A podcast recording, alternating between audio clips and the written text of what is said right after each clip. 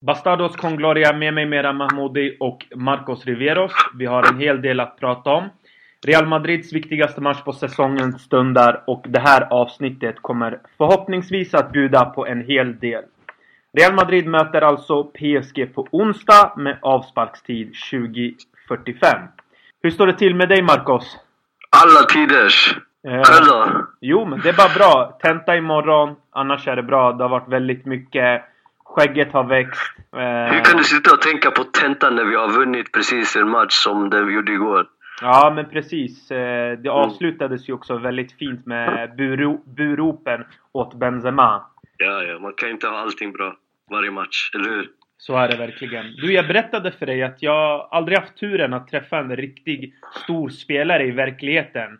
Men det fan har ju du gjort en hel del. Berätta gärna om den gången du träffade Zlatan. Zlatan! Yes. Eh, det, det var ju den här gången när han vann Jerringpriset. Jag minns inte vilket år det var exakt. Var det 2010 kanske? Ja, Han möjligt. skrev ju om, han skrev om det i sin bok i alla fall, att, om just den kvällen. Och eh, jag känner mig lite speciell du vet, för att jag, jag, jag träffade honom just den kvällen också. Men då hade han precis klivit av scenen och ville smita ut bakvägen medan alla andra stod och väntade på honom på framsidan. Så gick han igenom köket och jag jobbade där den där kvällen.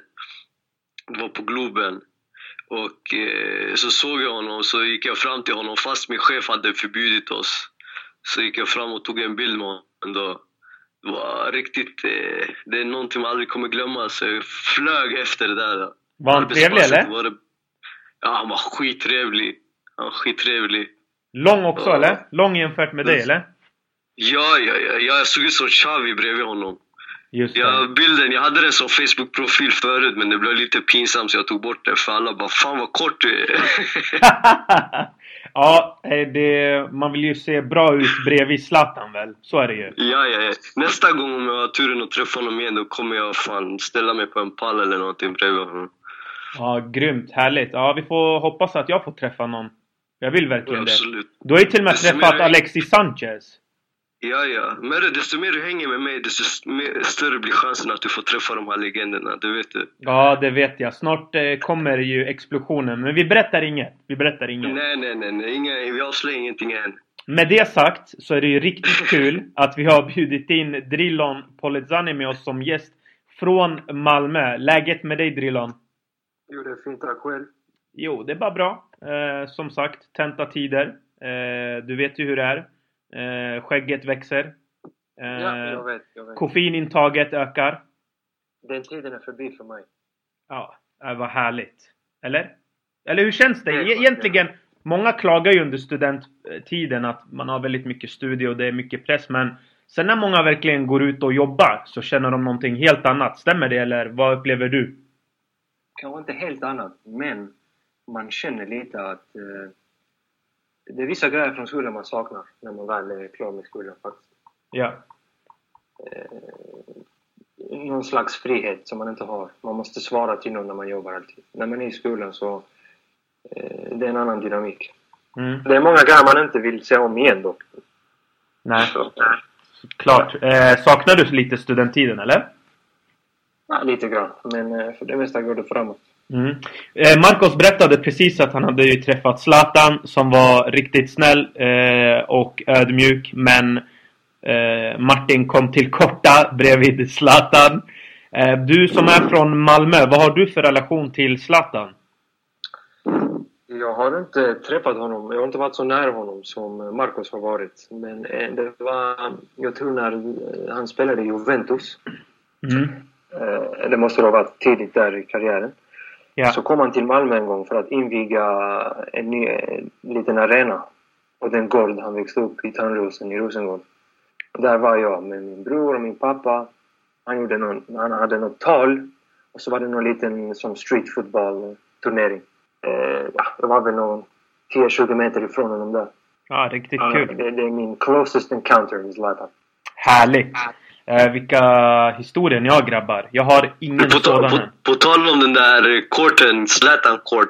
Jag, jag, jag har ju varit där. Den, den höll ju på att förfalla nästan. Det är Ja, dags för han att punga ut lite för att renovera den tycker jag. Man kör ju förbi där många gånger. Aldrig, man går aldrig in i gården. Jag, man tänker på det varje gång. Jag har aldrig dock sett den sen dess. Men jag kan tänka mig att den är helt förfallen. Ja. Ja, ja. Nej, härligt grabbar. Eh, sköna historier. Eh, jag tycker att vi kör igång det här avsnittet. Är ni redo? Absolut. Let's do this!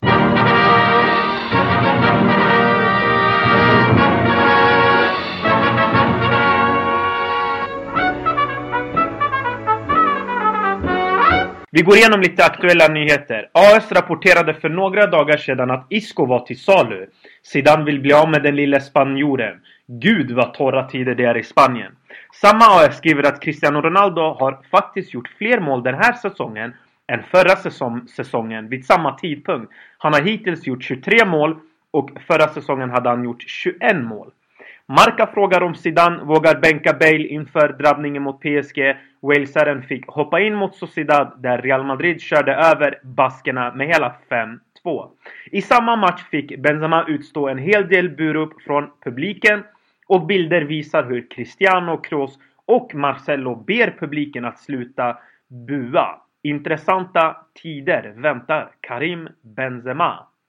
Det var allt för den här gången vad gäller aktuella nyheter. Reaktioner grabbar? Var det någonting specifikt ni fastnade på? Drillon? Ja, Isco-grejen ska man nog ta med en rejäl nypa salt. Ja. Till att börja med. Jag tror inte det är något som egentligen pekar på det i, i, i verkligheten. Det är snarare tabloiderna som vill skapa rubriker. Och som någon sa häromdagen, eventuellt uh, spär på det här missnöjet som finns med Zidane hos några och göra någonting av det om de kan. Men jag Ja. tror inte det finns något eh, bakomliggande just nu i alla fall. Inte bara med det här lilla, den här lilla substansen. Marcos, eh, vad reagerar du på nyhetssvepet? Nej, det här med Isco, det är ju total bullshit. Alltså det är som Drillon säger, det är bara taget. Det är någon som hittar på någonting bara för typ att han inte fick starta någon match eller eh, gå ut ganska tidigt i några, några matcher och sådär. Vill de bara göra en höna och en fjäder som man brukar säga.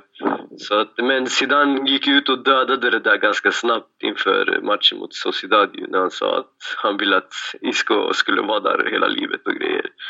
Så det Ja. finns ingen, alltså noll procent sanning i det där om du frågar mig. Mm. Men eh, sen det här med Benzema-buropet och det där, det det är ju lite känsligt alltså när det kommer till Real Madrid för att eh, vi vet ju om att det var, till och med en spelare som Raúl har blivit utbuad på Santiago Bernabéu. Vem är, vem är Benzema att eh, inte bli utbuad liksom? Men eh, sen om det är rätt eller inte, då det tål ju att diskuteras. Jag vet inte, vad tycker ni om det?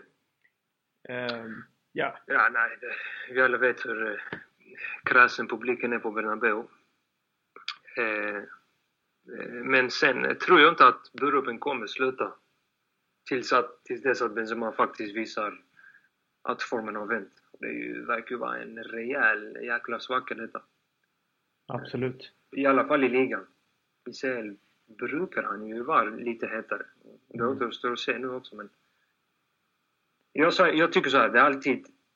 Jag gillar aldrig när publiken ropar till spelarna. Hur mycket jag än håller med dem egentligen att spelaren i fråga gör en dålig insats. Eller flera dåliga insatser.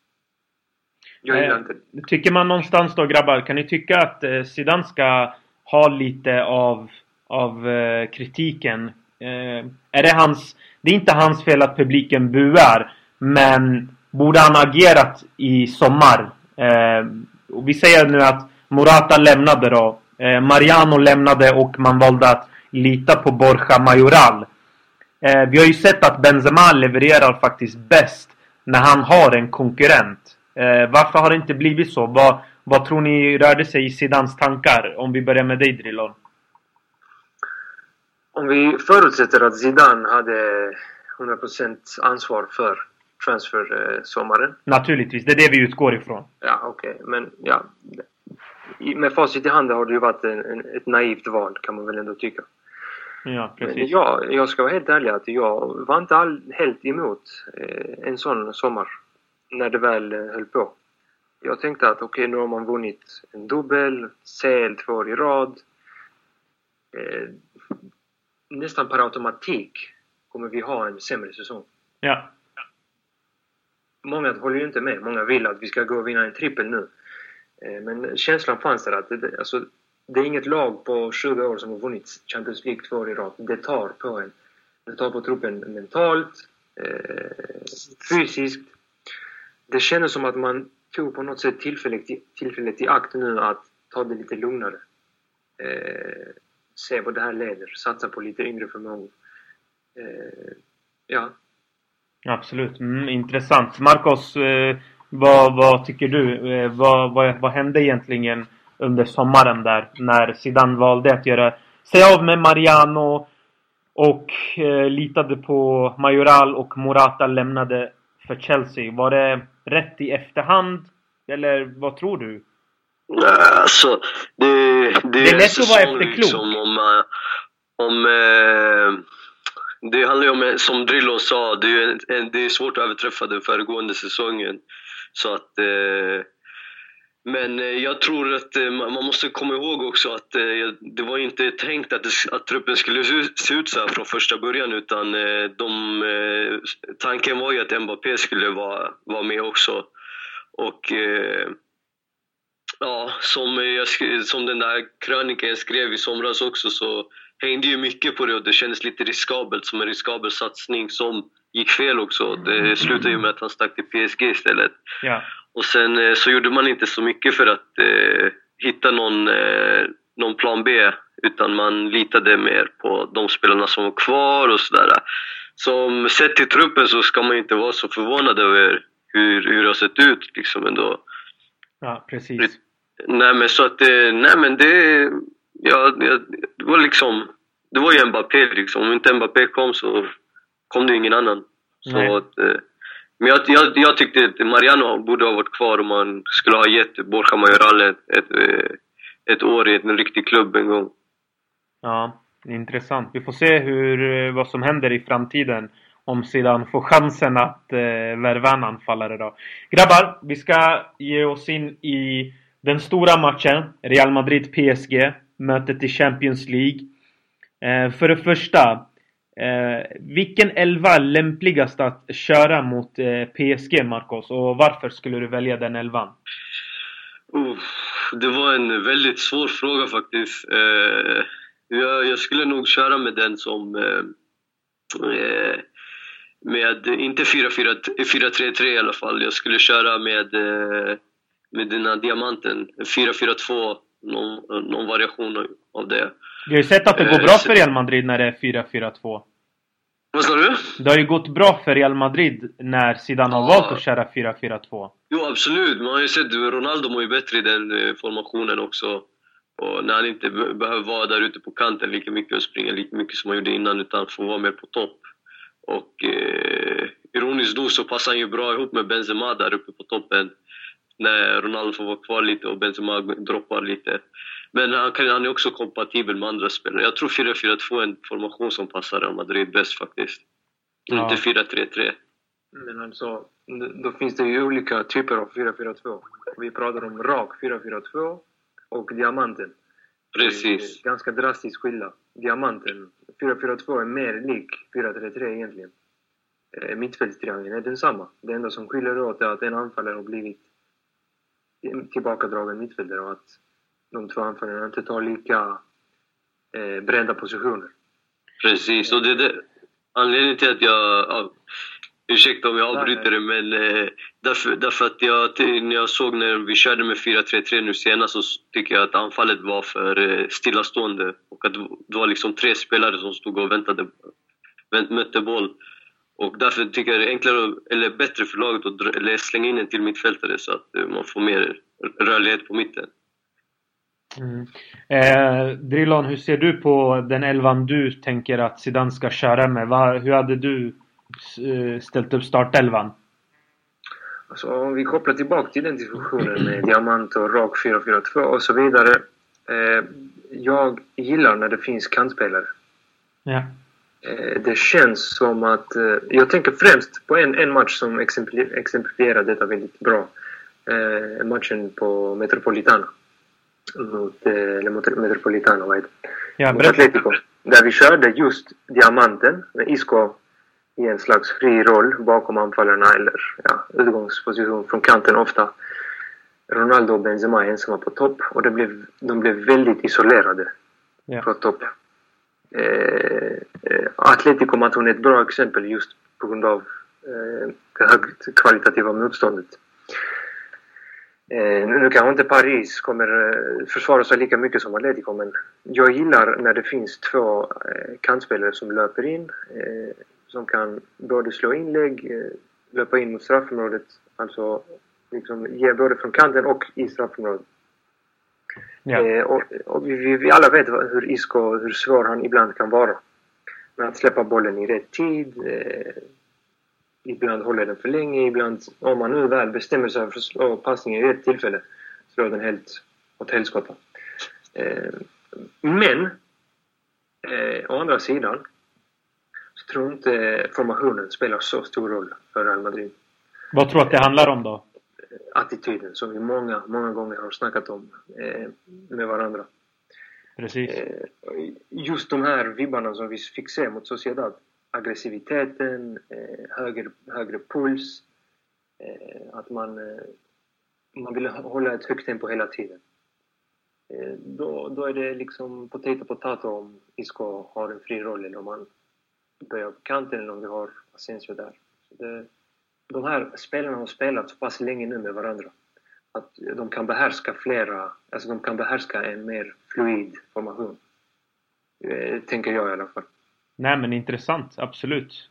Det, det gäller ju för spelarna att komma ut med en vilja, en attityd och då är ju mycket vunnet. Eh, på den här nivån, visst en formation kan hjälpa men samtidigt gäller det att man är vaken. Eh, PSG kommer komma eh, med eh, Neymar, med Mbappé, Cavani och så vidare. Det gäller att vara vaken och eh, då kan det gå faktiskt vägen. Och så många gånger så har vi sett ju, det är typiskt Real Madrid att vakna till i de stora matcherna. Det är nästan synonymt med Real Madrid. Eh, Marcos, jag tänkte på individuellt. Vilka spelare tror du måste ha en bra kväll? Individuellt, eh, nyckelspelarna det är väl alla elva tycker jag. Men eh, kanske, kanske den som, de som man mest, som jag tänker mest på inför matchen, det är Casemiro först och främst. För att eh, det viktiga är att vi sätter en hög press på PSG. Vi måste vinna bollarna högt uppe på deras planhalva. Låter vi dem komma förbi, då kommer, då kommer de eh, kunna utnyttja Mbappé, Neymar och Cavani. Och det är det vi måste hindra dem från. Så att eh, pressen ska vara hög och, eh, och eh, där är Casemiro viktig. Och wow, hela mittfältstrion egentligen, eller hela laget är ju viktigt i pressen egentligen men Casemiro sätter väl tonen lite grann. Sen, eh, ja, en mot en lägen Marcelo. Snälla gud, hjälp mig. Hjälp oss allihopa den här matchen. Ja, nej, jag har drömt mardrömmar om eh, Mbappé mot Marcelo där. Ja, det kan bli Sen- en riktig cirkus alltså. Ja, det kan bli blodigt där. Ja, Så, men sen i anfallet så är det självklart Mr, eh, Mr allting. Mr Champions League, Cristiano Ronaldo. Har han en bra dag, det spelar inte så mycket roll om vi pressen sitter eller inte. Han sätter två, av- två av tre lägen så är det klart. ja. Nej men absolut. Eh, Drillon, vilka känner du måste ha en bra kväll i Real Madrid? På tal om Ronaldo eh, så får vi hoppas att han har nått någon slags eh, form, den vi vill ha. Eh, Mm. Han gjorde ju mål med vänster eh, fot, höger fot och eh, huvudet nu senast mot Sociedad. Som man ändå får se som ett positivt tecken. Va? Eh, det var ett tag sedan han gjorde ett hattrick eh, från första, alltså, överhuvudtaget. Ja, Eh, Så Ronaldo är livsviktig.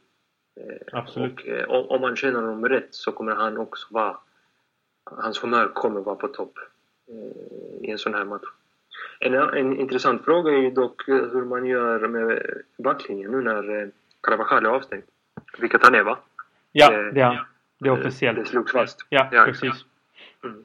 Nej men där skulle jag vilja se Nacho. Jag är ju mer för att se en, en stabilare, mer erfaren spelare som Nacho än Achraf. Alltså, och förutom att Achraf inte får till inläggen. Jag, jag tror inte man ska fokusera så mycket på det. Han är usel i det momentet men det handlar faktiskt om att kunna försvara eh, inte vara nervös, inte gå på Neymars finter utan stå, stå verkligen i, position och, och så vidare. Och här upplever jag att Nacho kan ta ett större ansvar.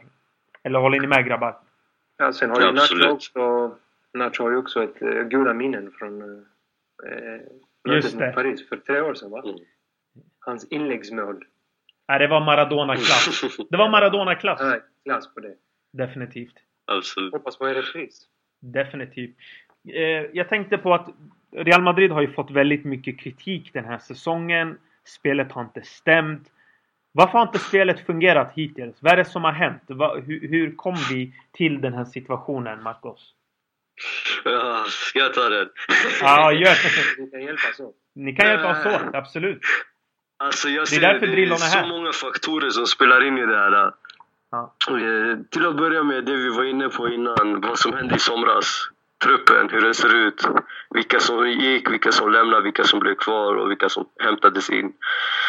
Eh, sen så, mycket har ju också med eh, jag vet inte, mättnaden.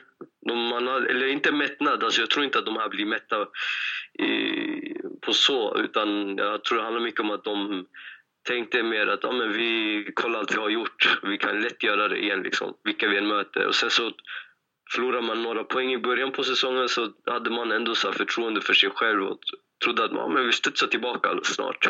Och så kom det inte och då började folk och tvivla och, och såna här grejer. Men eh, förutom det så det är mycket, Ronaldos måltorka har ju varit viktig också.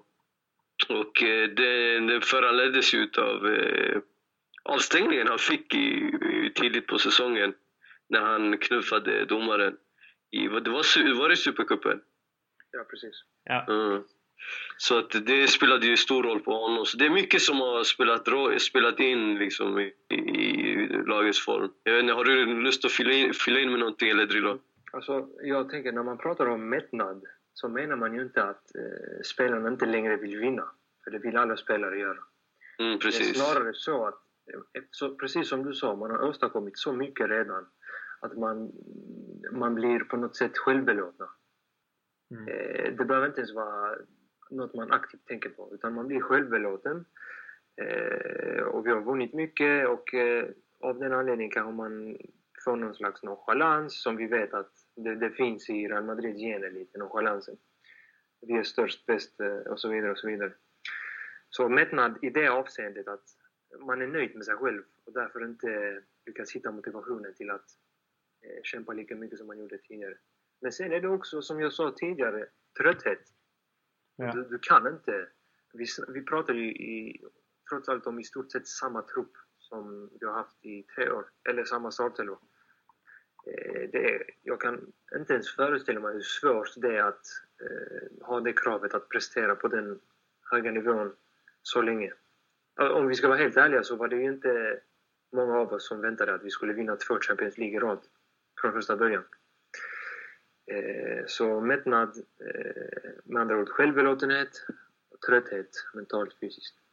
Men sen, eh, det här med värvningar och sånt och att Ronaldo var avstängd, då tycker jag är marginellt i jämförelse. För Ronaldo, som Meran sa innan, hade ju till och med en sämre höst förra säsongen. Där vi vann dubbel, det slutade med. Så det, jag kan absolut inte säga att det har med någon eller några individer att göra. Kanske möjligtvis med sommarens värvningar att göra. Eh, I alla fall med facit i hand. Eh, men ja, det är den här mättnaden. Tycker jag. Ja. För jag, jag tänker också det här med eh, Ronaldos förra höst, han hade förra säsongen. Mm. Då, då kom han ju från en knäskada och det tog honom ungefär... Det kom, var ju ungefär nu som han började komma in i form, vid den här tidpunkten förra säsongen. Och det tog väldigt lång tid för honom att återhämta sig och man var ju rädd liksom att den här knäskadan skulle ha förstört hans karriär. Nu, nu när jag tänker tillbaka. Men grejen var ju då att eh, det var andra spelare som klev fram istället. Och, precis. Och Morata, James. James, Morata, precis. Mariano till och med vissa gånger. Så att, eh, men den här säsongen har det inte varit det. Nej. Så att, eh, det är skillnad. Kan, vi säga, kan, kan man säga så här Drillon? Att ja. från förra säsongen när Real Madrid eh, vann Champions League och ligan så var det en hel del som menade, eller en hel del, men det var ändå en del skara fans som menade att Zidane fick igång spelarna, motivationen, viljan, attityden, det ni menar nu. Men att det var inget spel man kunde lita, förlita sig på. Det, det fanns ingen grund. Och är det någonting vi ser nu? Att Real Madrid inte kan falla tillbaka på något visst spel utan att det blir mer att det handlar om form. Och attityd och vilja. Så nej, jag tycker det, det är lite för enkelt att förklara det med det. Ja. Så, det är nästan befängt att hävda att du kan gå och vinna eller spela på den nivån som Real Madrid gjorde eh, utan något slags grundspel. Eh, Marcos, du förklarade i din krönika bäst egentligen. Eh, kritiken när det kommer till spelet och taktiken har varit alldeles för stor ur proportion tycker jag. Absolut. Och Jag, jag tror man glömmer mycket hur det såg ut förra säsongen när man är mitt ibland det här kaoset som pågår just nu. Med Real spelade ju stundtals fantastisk fotboll förra säsongen. Absolut. Eh, Och, och kalla det filosofi som klubben har haft i 20 år eller en filosofi som truppen har just nu. Men ett grundspel fanns där. Och egentligen har inte spelet, eller spelmetodiken om man kan kalla det så, förändrats särskilt mycket. Egentligen. Mm. Eh, Eh, visst, det haglar in inlägg i, när det blir desperat. mm. Det funkade förra säsongen när man hade riktigt vassa inläggstagare och eh, vassa spelare i straffområdet. Men det är inte så att Real Madrid går och slänger in inlägg från minut ett. Och om, om vi backar tillbaka bandet och... exempel. Ja. Eh, Men om vi backar tillbaka bandet och pratar lite om försvarsspelet som i år har verkligen varit ostabil. Eh, Tittar vi i ligan så har Atletico släppt in 9 mål. Eh, Barcelona har släppt in 11 mål och Real Madrid har släppt in 23 mål. Jag tror att Leganes hade till och med släppt in mindre mål på 22 mål. Eh, och vi vet ju vad Leganes gjorde med Real Madrid. Men nu ska vi ju möta då Neymar och Mbappé. Två väldigt, väldigt farliga spelare. Man måste hela tiden ha koll på vart de är och de kan göra det på egen hand. Hur, hur ska Real Madrid bäst kunna stänga ner Neymar och Mbappé, grabbar? Vad behövs? Eh, som jag sa i början, det handlar om att sätta en hög press på PSG redan från eh, när de försöker spela upp. Att eh, bollen, bollen ska aldrig få komma till deras fötter liksom. Det ska, det ska, hela tiden så ska spelarna vara där, springa, springa sönder PSG helt enkelt. Vi har ju sett de matcherna som vi har vunnit boll högt uppe eh, Deportivo igår mot eh, Real Sociedad. Vi ser mycket mål som, som bara regnar in. Medan matcher som vi har vunnit, eh, eller som inte har lyckats vinna bollen högt uppe, då har vi släppt in en massa mål. Så Mm. det, det är nyckeln om ni frågar mig. Och det är nyckeln för att vinna både matchen, det är nyckeln för att stänga ner Mbappé och Neymar och det är nyckeln för att ta sig vidare från det här dubbelmötet också. Mm. Och om vi fokuserar då på PSG lite. Vem känns farligast där och vem, vem kan avgöra matchen för PSG, Drillan? Mbappé är ju livsfarlig. Ja. Killen är knappt 19 år fyllda. Men har en helt otrolig näsa för mål. Är riktigt snabb, fysiskt stark. Har även en bra spelförståelse och god teknik. Va? Kan kombinera med sina kollegor där. Eh, Men rutinen saknas. Och eh, detta blir väl kanske den största klubben han någonsin ställs mot. Om jag inte har fel. Det tror Jag, jag. jag, jag håller eh, Mbappé något högre i, i, i fara än Neymar. faktiskt. Vi vet att Ne- Neymar kan ju vara helt sanslöst bra vissa matcher. Men ibland kan också vara väldigt svår att spela med. Eh, lite av Isco-typen. Eh, släpper inte alltid bollen i tid. Ibland har han makalöst dåliga avslut. Ibland. Detta är ju eh, inte majoriteten, men ibland. Ja. Men Mbappé har en, han är giftig. He's venom. Ja, men, nej, men Att definitivt. på honom individuellt, eh, där är my- mycket vunnet. Ja, det är ju verkligen två farliga spelare. Vad tror du om Verrattis roll då i PSG? Kommer den bli, ett, kommer den bli viktig? Alltså, jag vet inte Ver- Verratti individuellt, men PSG gillar ju att hålla boll. Och Verratti är en anledning till att de lyckas med det så bra. Rabiot är en annan spelare som också är riktigt grym med bollen och väldigt svår att ta den ifrån. Eh, ta bollen ifrån. Eh, alltså, lite på det Marcus var inne på att eh, Real behöver eh, ta tag i spelet. Inte... Alltså, vi vet att Real spelar ju inte någon defensiv fotboll där man, där man försöker lista ut motståndarens svagheter och täcka igen den ytan för att där... Eh, det, så som jag känner det är inte Real Madrids taktik, taktik särskilt kalkylerat för att eh, ta motståndarens spel till hänsyn. Utan vårt spel måste sitta. Vi måste spela med självförtroende, vara motiverade och fokuserade. Vi, där har vi ett problem med vår baklinje. Ofta. Fokus. Ramos. Ja, precis. Ja, Ramos verkligen. Han har ju tappat en hel del matcher Mm. i, i, och har inte alls varit fokuserad. Ehm, men det här är ju en sån här match han kan växa.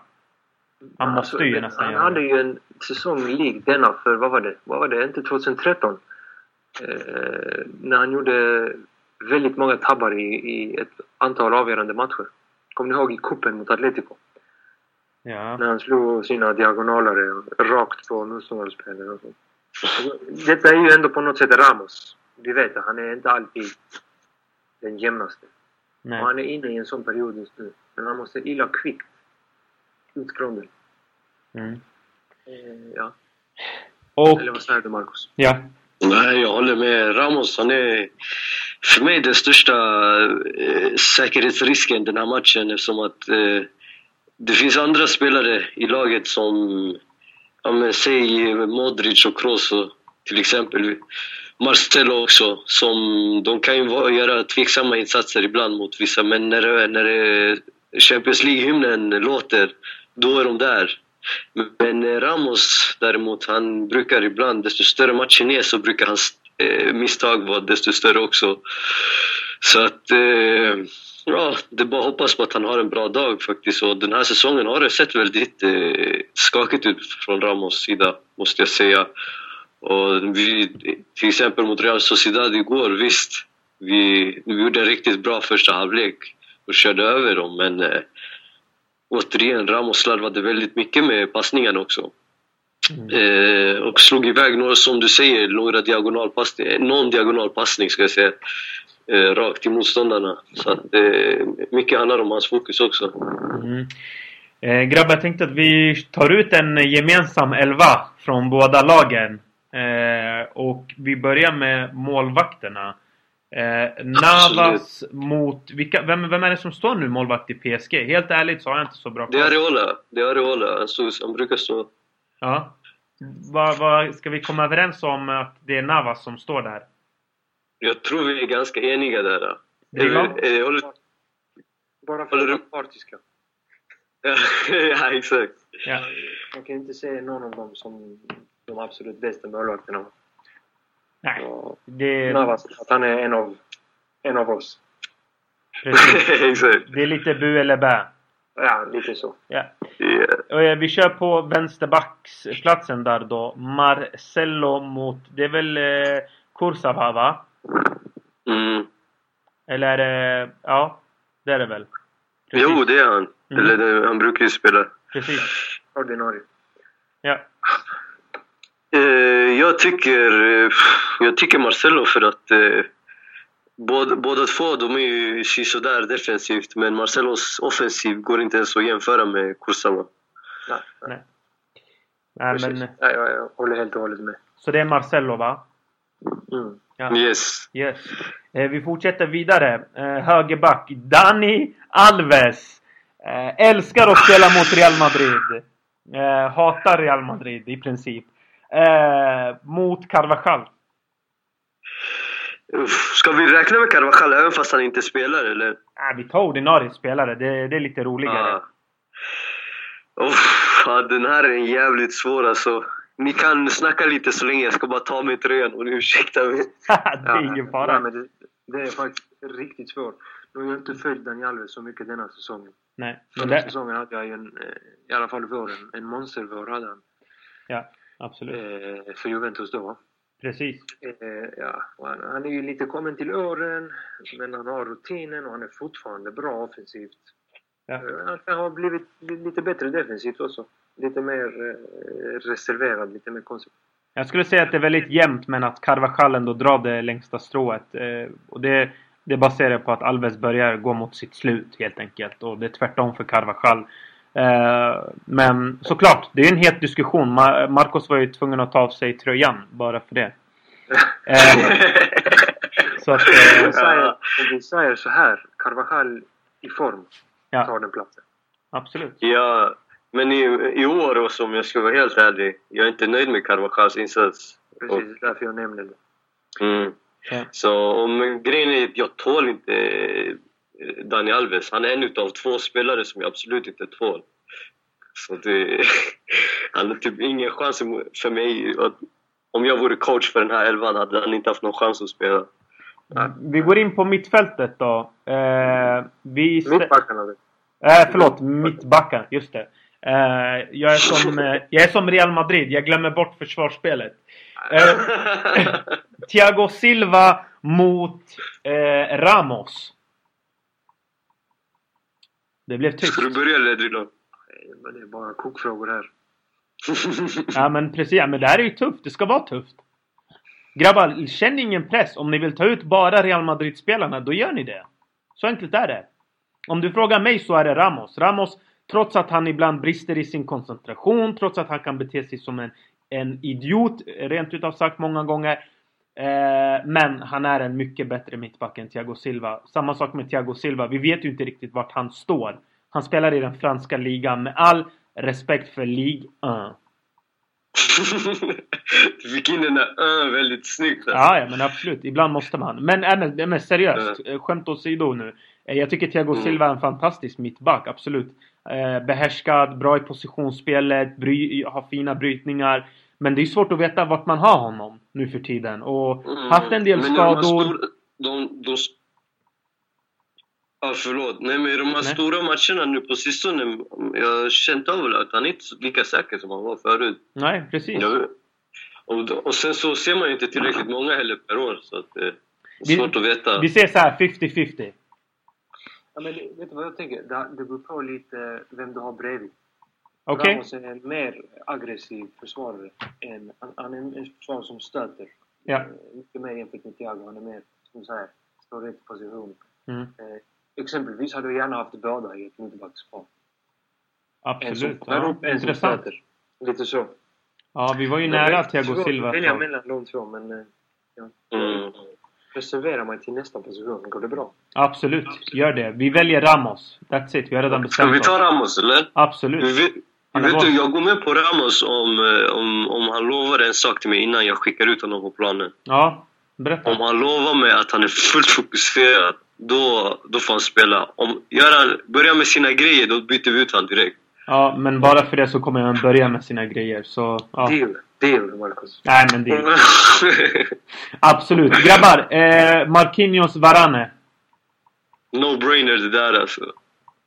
No-brainer. Det är Varane alla dagar i veckan. Eller vad tycker du Drille? Ja. Eh, Varane... Vi, vi har, har inte utvecklats kanske som vi hade önskat att han skulle. Eh, kan vara mycket på grund av skadorna som han har haft genom åren. Men eh, när Varane är på hugget så är han ju i princip omöjlig att komma förbi. Han är snabb, stark, eh, han har en bra passningsfot, etc. etc. Vi kör på Varane. Jag har, inte, jag har mindre koll på Marquinhos jämfört med Thiago Silva. Så Ja, men Varane låter bra. Eh, våra lyssnare kan få komma med input där. Ja, precis. Ja, men eh, våra lyssnare ska såklart också välja ut sin elva. Eh, skriv gärna i kommentarsfältet på Svenska fans. skulle vara kul för oss att se vad de hade valt för elva. Grabbar, vi fortsätter då till eh, mittfältet. Det kan vi väl göra nu va? Väldigt kul ändå. Ursäkta att Ja. vi bara valde vita spelare till backlinjen när, back, när vi har kritiserat det så mycket innan. Ja, vi alla vet vilken elva vi kommer ha. Eh, Den enda spelaren från Paris kommer ju vara... Gissa var. Mm. Ja. Lite längre upp va? Ja, lite längre upp. Vi, vi kör Adrien... Men, eh, det skulle ju vara kul i alla fall. Ja, verkligen. Eh, ja, ja, men han, han kommer ju först in av alla. Eh, Rabiot mot Tony Kroos. Ah, Ja, kolla. Rabiot tycker jag är en riktigt duktig spelare. Ja. Absolut världsklass. Men... Eh, eh, och han är ganska lik i stil eh, som Kroos, va? En, Precis. en, en, en renodlad, skolad mittfältare. Inte så defensivt, inte, inte så offensivt. Eller ja, i Kroos eh, fall så är det ju noll defensivt, men ja. Precis. Eh, men Kroos är ändå, tror jag, snäpp, hans kvaliteter är snäppet högre. Ja, jag håller med. Marcos?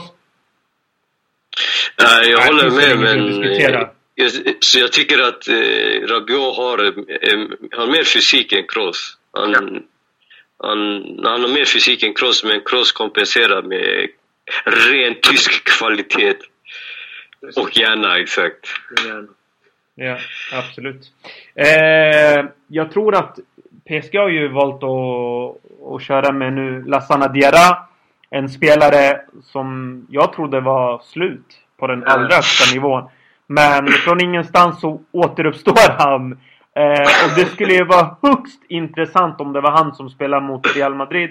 Nu har ju... Eh, nu har jag tittat lite på eh, några matcher här med PSG och då är det ju mycket Giovanni Lo Celso som har spelat. Så jag vet inte, vem av dem eh, ska vi jämföra med Casemiro? Alltså, jag tror eh, Las, Las Hanna spelade, han spelade ju helgen. Jag tror han spelade just för att inte spela mot Real Madrid sen. Känns det som. Det känns som ett sånt drag. Jag vet inte vem Celso är, så att jag säger Casemiro. Mm. Lo Lo Celso, han är ju han är lite mer offensivt lagd. Han är offensiv mittfältare. Han är ganska ung. Jag skulle bli förvånad om han startade mot Real Madrid. Ja, Det skulle men, vara väldigt naivt tror jag. ja, men då Men skiter, det- då skiter vi i honom. Spelar Motta längre? Eller är han kvar i Paris? Jag vet inte. Kanske på något Ja. pan- pensionat i Frankrike. Jag vet inte. jag, jag tror faktiskt att eh, det, Jag hoppas att det blir Lass som spelar faktiskt. Eh, Ja, Jag, det- tror, jag tror faktiskt att Rabiot tar eh, Paris plats. eh, Som, en, som ankare. Med Verratti och noll bredvid. Ja, men vi ställer de två. Det kan Det här blir ju en intressant diskussion. Eh, Modric och Verratti. Får jag börja?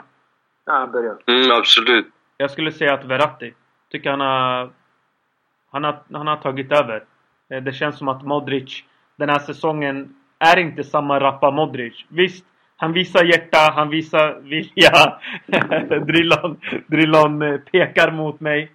Eh, ja, men Drillon, men helt ärligt. Modric är fantastisk. Jag kan inte säga någonting annat. Det är en världsklasspelare. Men ärligt talat, den här säsongen, det känns som att eh, speeden är inte där. Verratti börjar... Eh, Verratti är Verratti. Visst, det är svårt och, och som sagt, återigen. Det är franska ligan med all respekt för franska ligan men det känns som att Verratti det är nu Verratti ska upp och det är nu Modric ska sakta men sakta börja gå neråt. Eller? Jag vet inte, har jag fel? Kanske, Diskutera. Men, men jag tror att Modric högsta nivå fortfarande är högre. Absolut! Men jag tror, om vi pratar på en på en, eh, på en eh, ja, man säger en 30 matcher över en hel säsong. Det handlar ju ändå om att prestera match in, match ut. Men sen har ju också Verratti varit väldigt skadebenägen. Jag vet inte om han har lyckats komma undan från de problemen eller om det fortsätter så för honom. Men det är ju ett stort problem som vi i Real Madrid vet med vissa spelare. Eh, Så det är också någonting.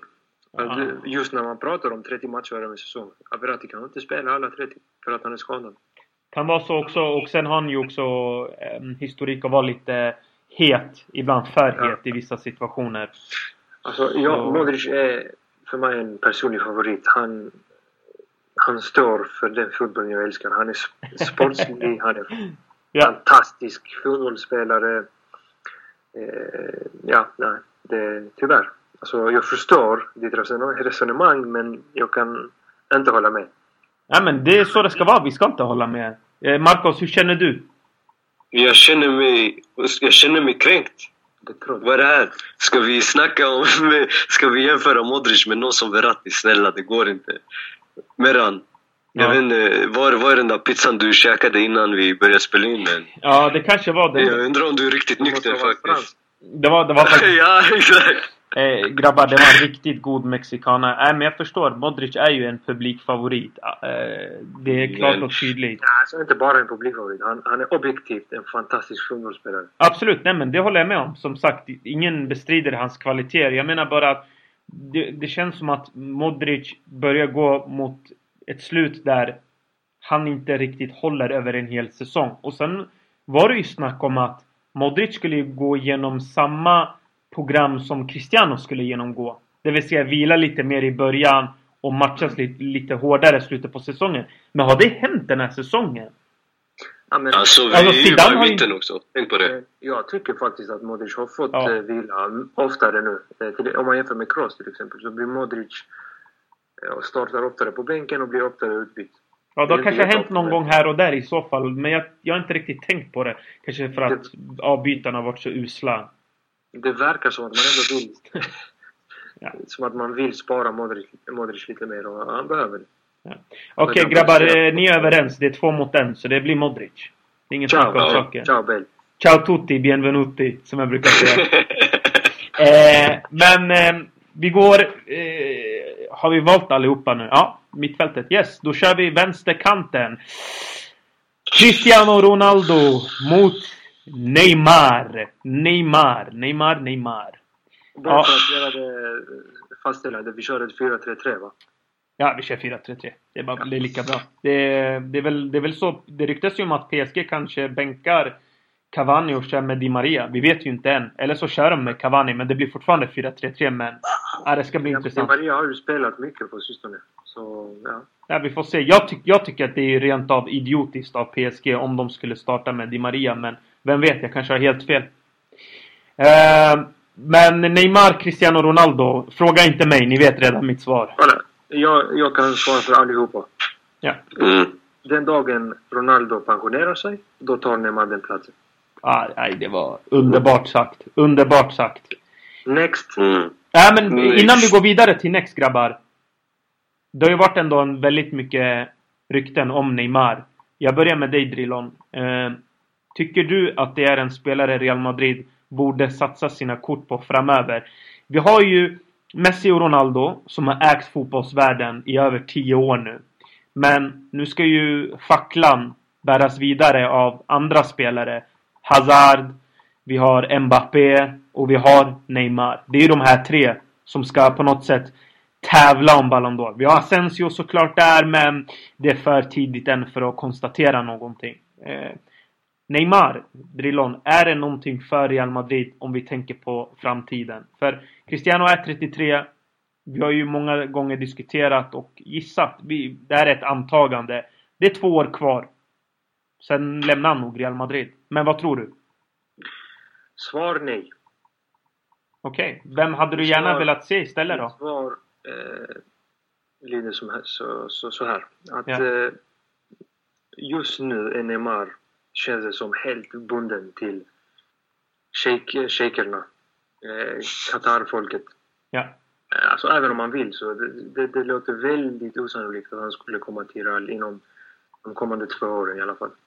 Mm. Eh, och jag vet, jag vet inte riktigt om han är en spelare som Real Madrid behöver. Han har ju sina kvaliteter men han har också sina, ska man Brister. säga, ja, vi alla vet vad han har. Sina mindre fina sidor om man säger så. Det har ju förvisso många spelare i Real också men eh, ja. Eh, Ja, det, just nu är mitt svar nej. Jag vill inte se Neymar i Real Madrid. Jag hellre, hellre tänker jag på en annan, någon, någon annan spelare. Jag, jag vet inte vem just, men en annan spelare att ta över Ronaldos roll. Eh, låt säga om tre år kanske. Ronaldo Marcos, Marcos, delar du samma uppfattning som Drillon? Ja, fast jag känner ett, eh, ett förakt mot Neymar nästan. Eh, när, han, eh, när, han skrev, när han stack till PSG, min första tanke när den affären blev officiell var det här är bara ett, att det bara var ett mellansteg innan han kommer till Real. Men nu efter att ha sett hans beteende, hur han beter sig i PSG och hur han han, han, ju, han vägrar ju bli en i gänget utan han ska ju ha, behandlas eh, lite annorlunda än alla andra i alla aspekt. Och allt det här tjafset med straffarna och nej, alltså, vill man ha problem i, i klubben, vill man ha en, en spelare som, eh, som inte är omtyckt någonstans och så vidare, då absolut kör på Neymar. Men nej, för min del absolut inte. Alltså, sen, sen tycker jag att Neymar, eh, det, den ligan är för dålig för honom. Ja. Absolut. Det håller jag med om. Det var kanske någon slags... Uh, något rus från början när han signade men jag tror att han, han trivs inte där. Så det, uh, han är för bra helt enkelt för den ligan. Ja. Du vet, det är en sån spelare som behöver det här lilla extra... Den moroten att hela tiden ha något att kämpa för. Ja. I, I Paris är han redan störst. Uh, så dagen han signade var han störst. Ja, han är en bra skit med andra ord. Ja. Men jag, jag, tror faktiskt att det är större chans att han går tillbaka till Barca när de, när de byter president och sådär. Att han sticker tillbaka sen när Iniesta lägger av och spelar tillsammans med Coutinho. Än att han kommer till Real Madrid. Det har jag inte tänkt på faktiskt. Nej, det är mycket möjligt. Han hade ju problem med Bartomeu men... Prislappen på honom är ju helt makalöst hög. Jag tror inte någon som köper honom inom de närmsta åren. Mm. Så det inte det händer någon skandal. Och att någon liksom får honom för en relativt billig peng. Typ under 100 miljoner euro. Mm. Eh, men för att gå tillbaka till Neymar och Real Madrid så tror jag Real Madrid hade varit en bra klubb för Neymar att vara i. I alla fall om man jämför med Paris. För honom personligen. Än hur bra han hade varit för Real Madrid om man tar allt i hänsyn. Inte bara spelet på plan utan beteende och så vidare. Jag vet inte. Mm, intressant. Eh, vi får se. Det ska bli högt intressant. Han får gärna stanna i Paris för mig. Ja, för mig med. Alltså, eh, var ambassadör 2022 så det känns som har någon slags förbindelse med araberna. Det ska bli kul att se om Neymar värvas till Real Madrid, Rilo. Eh, vi går in på nästa position. Eh, Bale mot Mbappé. Vad skulle ni välja där? Om jag får välja så väljer jag Mbappé före Bale, grabbar. Alltså, jag håller med. Objection, your honor. Okej, okay. berätta. Eh, jag skulle inte vilja ha Mbappé ute till höger. Därför är inte frågan relevant för mig. Okej. Okay. Utan eh, jag ser hellre Mbappé centralt och håller kvar Bale till höger. Okej, okay, då kan vi göra så här då. Eh, Mbappé mot Benzema. Mbappé mot Benzema. Ja, Mbappé alla dagar i veckan. Det finns inte ens chans. Och, och, nu är vi ja. där. Di Maria då mot Bale? Är det en gammal goding? Ja. Nej. Alltså, ja. Bale, Bale har ju en högre... Hur ska man säga? Vi vet att om Bale är skadefri, då är mm. han den bättre spelaren. Mm. mm eh, Marcos, håller du med? Ja, jag håller med. Så det skulle aldrig ta Di Maria före Bale. I Nej. någon elva. Nej, jag skulle inte den, det. Di Maria är en väldigt bra spelare och jag tyckte om honom jättemycket när han spelade för Real Madrid. Men eh, därefter så har det inte hänt så mycket. Nej. Och att jämföra honom med Bill, det är lite svårt, tycker jag. Yes. Men eh, ja, Mbappé mot Benzema, det är en no-brainer för mig också, tycker jag. Det bara kör. Ja, men det blev en... mot Benzema går också att jämföra. Det blev en riktigt bra elva, grabbar. Har ni någonting mer att tillägga om den här stora matchen? Ja, men innan vi börjar prata om matchen igen och avsluta där, så tänkte jag säga det, det blev precis som vi sa att eh, egentligen är det hela Real Madrids startelva. Minus Benzema plus Mbappé. Man kan ju inte eh, blunda för att det hade varit en helt otrolig elva det va? Eller vad, mm. Eh, håller du inte med Marcos? Jo, jag håller med dig. 100 procent. Och eh, jag tycker inte heller att man ska kunna...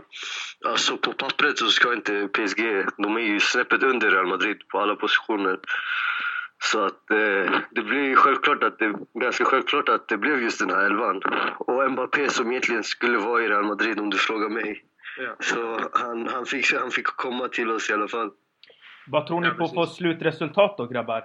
Nej, jag gillar inte att prata slutresultat och sånt. Det är så mycket som står på spel. Men eh, så länge vi, gör mer, vi vinner med mer än ett måls skillnad så, så känns det bra inför returen. Ja men precis, du? det var ett bra svar. Alltså vad man är nöjd med. Jag tror också, jag skulle också vara rätt nöjd med 2-1. Jag är också rätt nöjd med 5-0.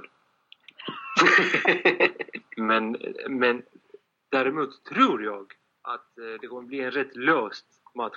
Eh, att det kommer bli en rätt målfattig match. Eh, Lite Ja. som mötet senast, för tre år sedan, när det slutade 1-0 till Real Madrid. Det kommer bli mycket kamp i mittfälten, mycket kamp om bollen. De kommer tävla om vem som ska ha bollinnehavet. Och det kommer avgöras i den, som är mest effektiv i den sista tredjedelen. Sen ska man inte glömma att det är två matcher. Eh, och, och därför kan man inte ge 110 procent redan denna match. Mm. Man måste spela smart snarare än eh, med pannbenet, så att säga.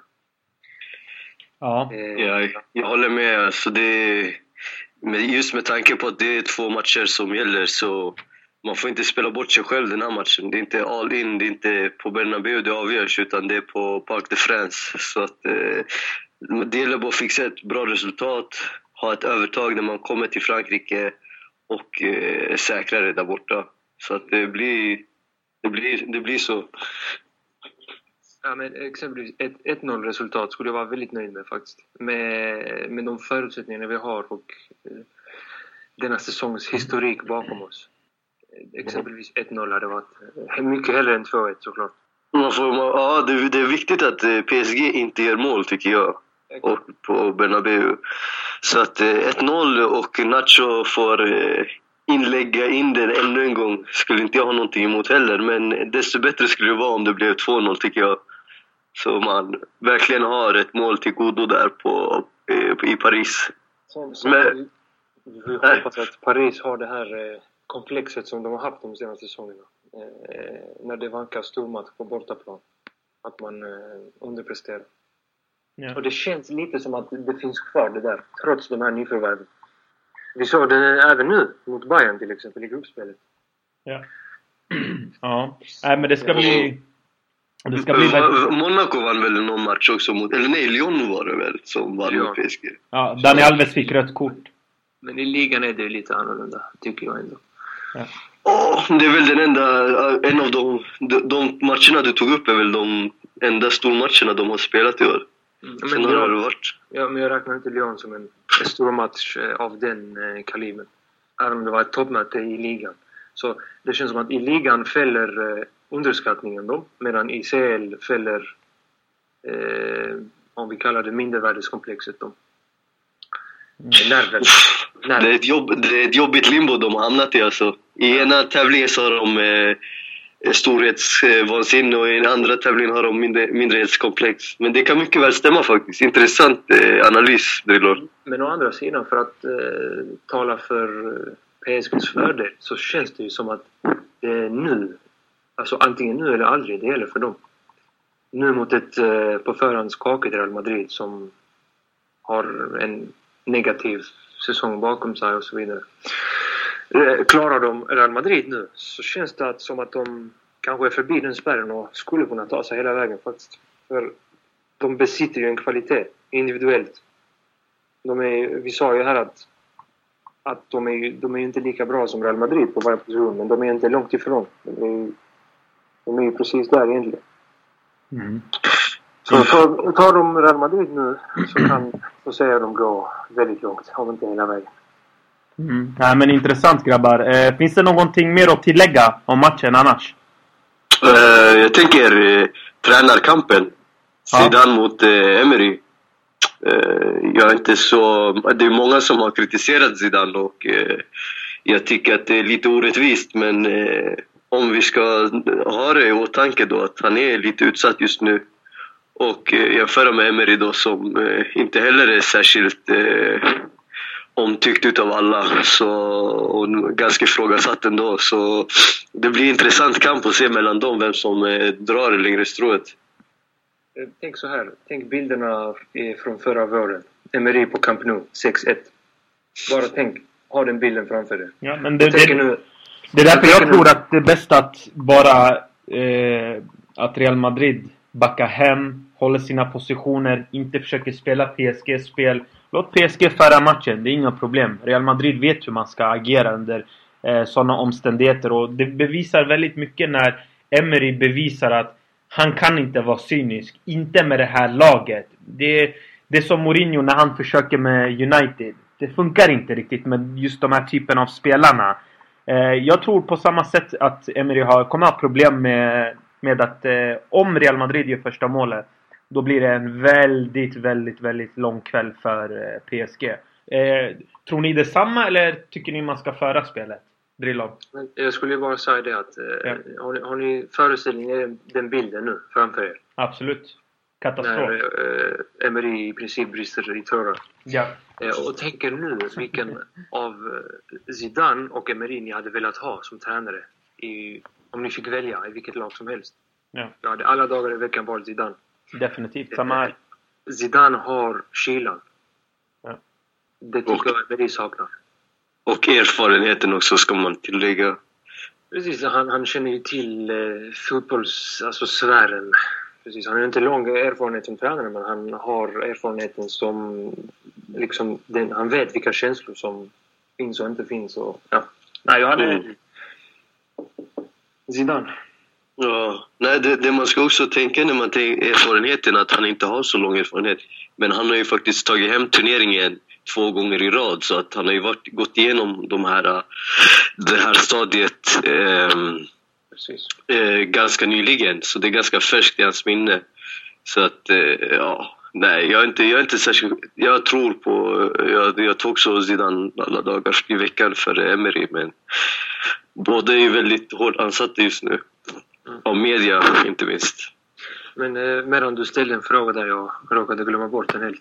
Nej men det är ingen fara. Jag, vad var det jag sa? Jag glömde bort det. Jo, men Meran, du tyckte att eh, Real skulle backa hem och, och Alltså, hålla positionen alltså, och låsa sa- matchen. alltså, folk- och låta PSG föra istället. Mm. Alltså när, när, när jag säger så så menar, så menar många, eller så tror många att jag menar att man ska backa hem, parkera bussen, inte ha någon idé alls. Nej, det är inte så jag menar. Jag menar bara håll positionerna, var packad när man spelar eh, försvarsspel. Försök inte att pressa PSG och vinna man-man situationer. Jag tror att PSG som ett kollektiv är svagare än Real Madrid. Däremot tro, tror jag att individuellt, där kan Neymar utmana, Mbappé kan utmana, Di Maria, Cavani, Verratti och så vidare.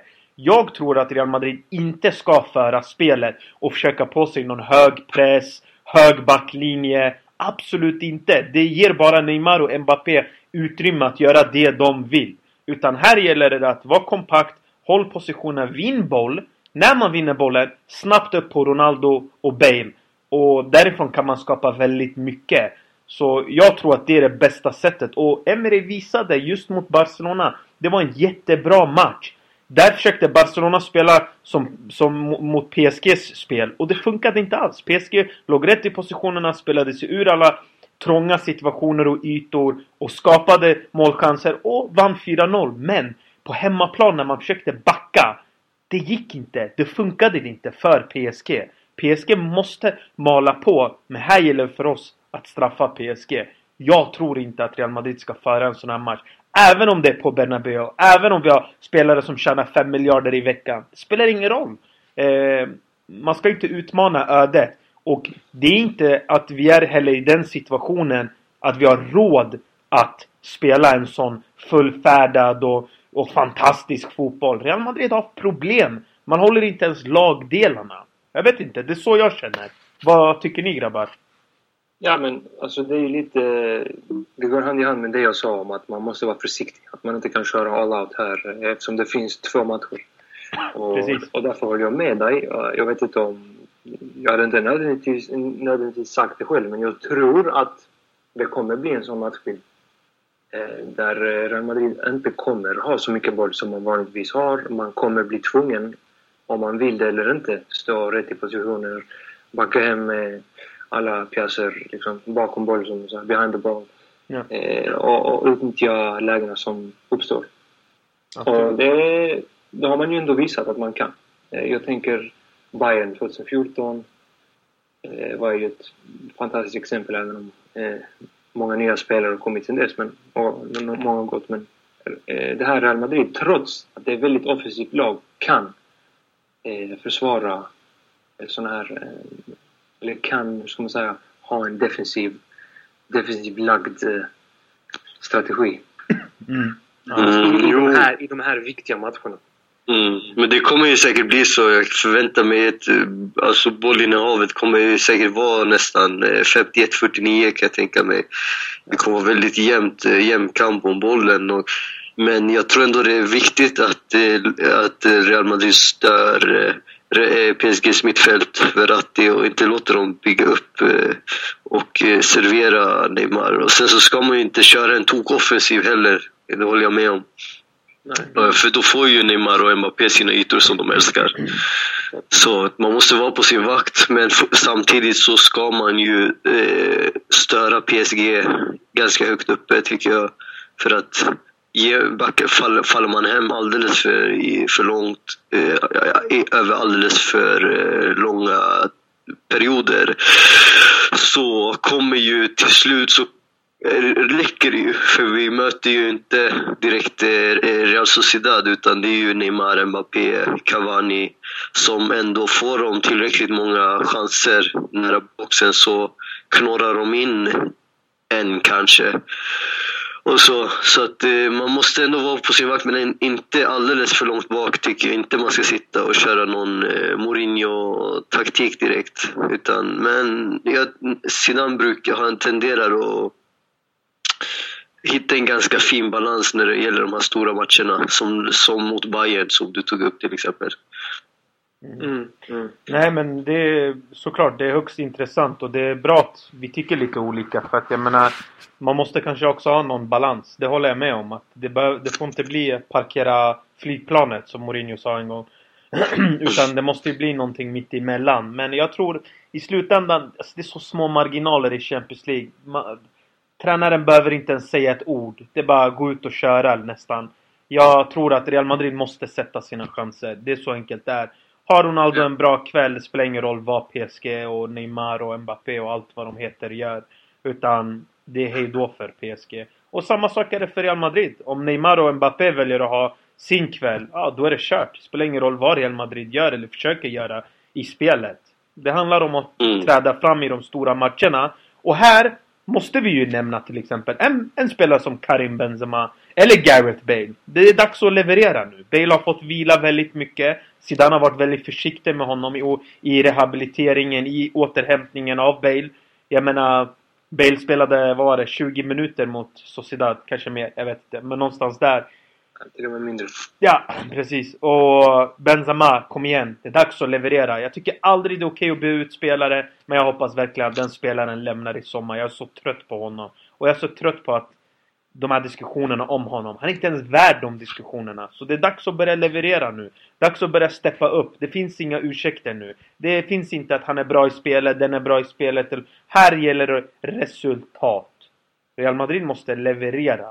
Det spelar ingen roll om man vinner 3-0 genom att vad vet jag, den träffar fem spelare innan den går in i mål. Det är resultatet som kommer spela roll i slutändan. Det är ingen som bryr sig om Real Madrid spelar fin fotboll och PSG gör 5-0. Eller 3-0. Det är ingen som bryr sig om den, om den saken. Så jag hoppas att eh, jag hoppas att Cristiano, Benzema och Bale har vaknat på rätt sida. Det, det är så enkelt det är. Eh, jag tror inte att spelet kommer se förfärligt ut. Jag menar, det är ändå PSG. Det är en match man borde vara... Eh, ja, man borde vara helt igång på. Glad för att den finns liksom. Ja, men precis. Ja, så Zidane...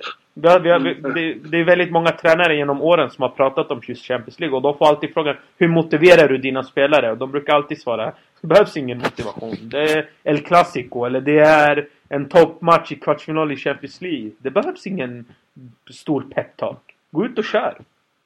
Ja, ja. Nej, men eh, jag tänkte för att avrunda komma tillbaka lite till det du snackade om pressen. Ja. Det allra viktigaste är att man har en gemensam och synkroniserad press. Oavsett om man pressar väldigt högt eller pressar medelhögt.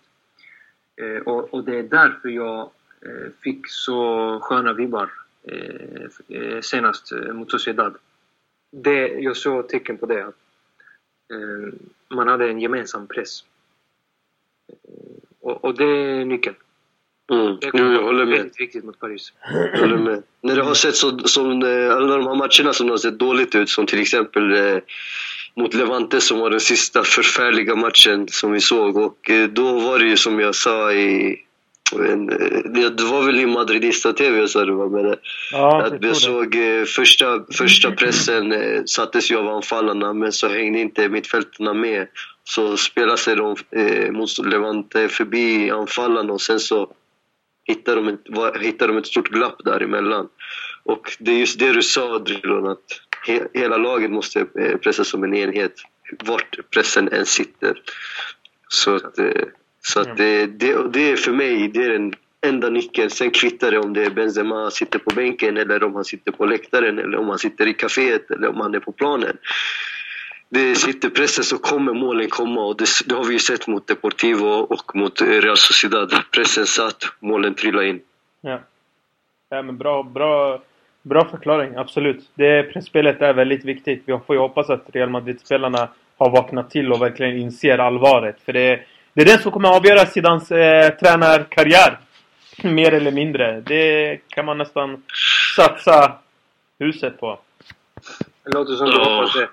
Ja, nej, Nej. nej, verkligen inte. Nej, jag, jag vågar inte spekulera i, om, prata om det ens. Alltså, jag vill inte ens prata om det. Om Zidans... Eh, nej, vi- jag vill inte ifrågasätta honom. Nej. Men, eh, ja vi lämnar honom. Men det som, det, det, en sak jag har tänkt på också, det är när det kommer till Neymar, motståndarna.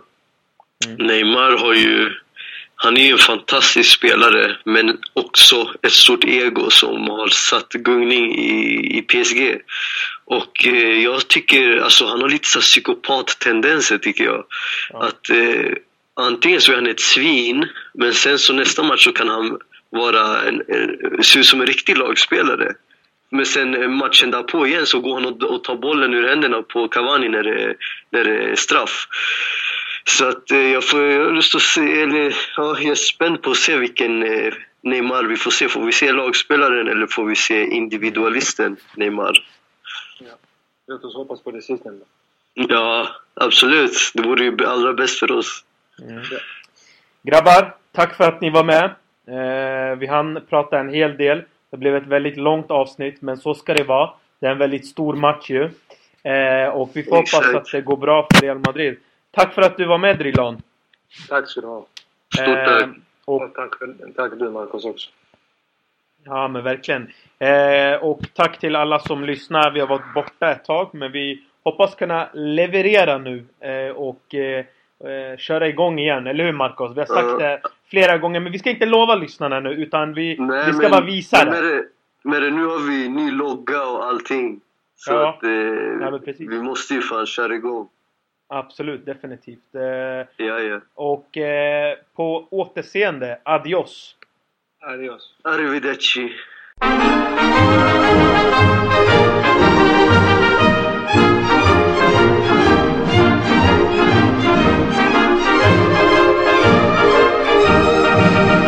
de las glorias deportivas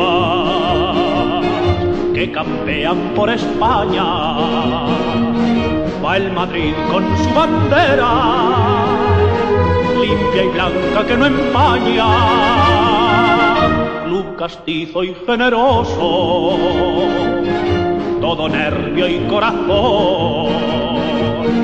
Veteranos y noveles, veteranos y noveles miran siempre sus laureles con respeto y emoción. A la Madrid, a la Madrid, noble y bélico Adalid, caballero del honor. A la Madrid, a la Madrid, a triunfar en buena lid, defendiendo tu color. A la Madrid, a la Madrid, a la Madrid. A la Madrid, a la Madrid. No te del Guadalí, caballero del honor. A la Madrid.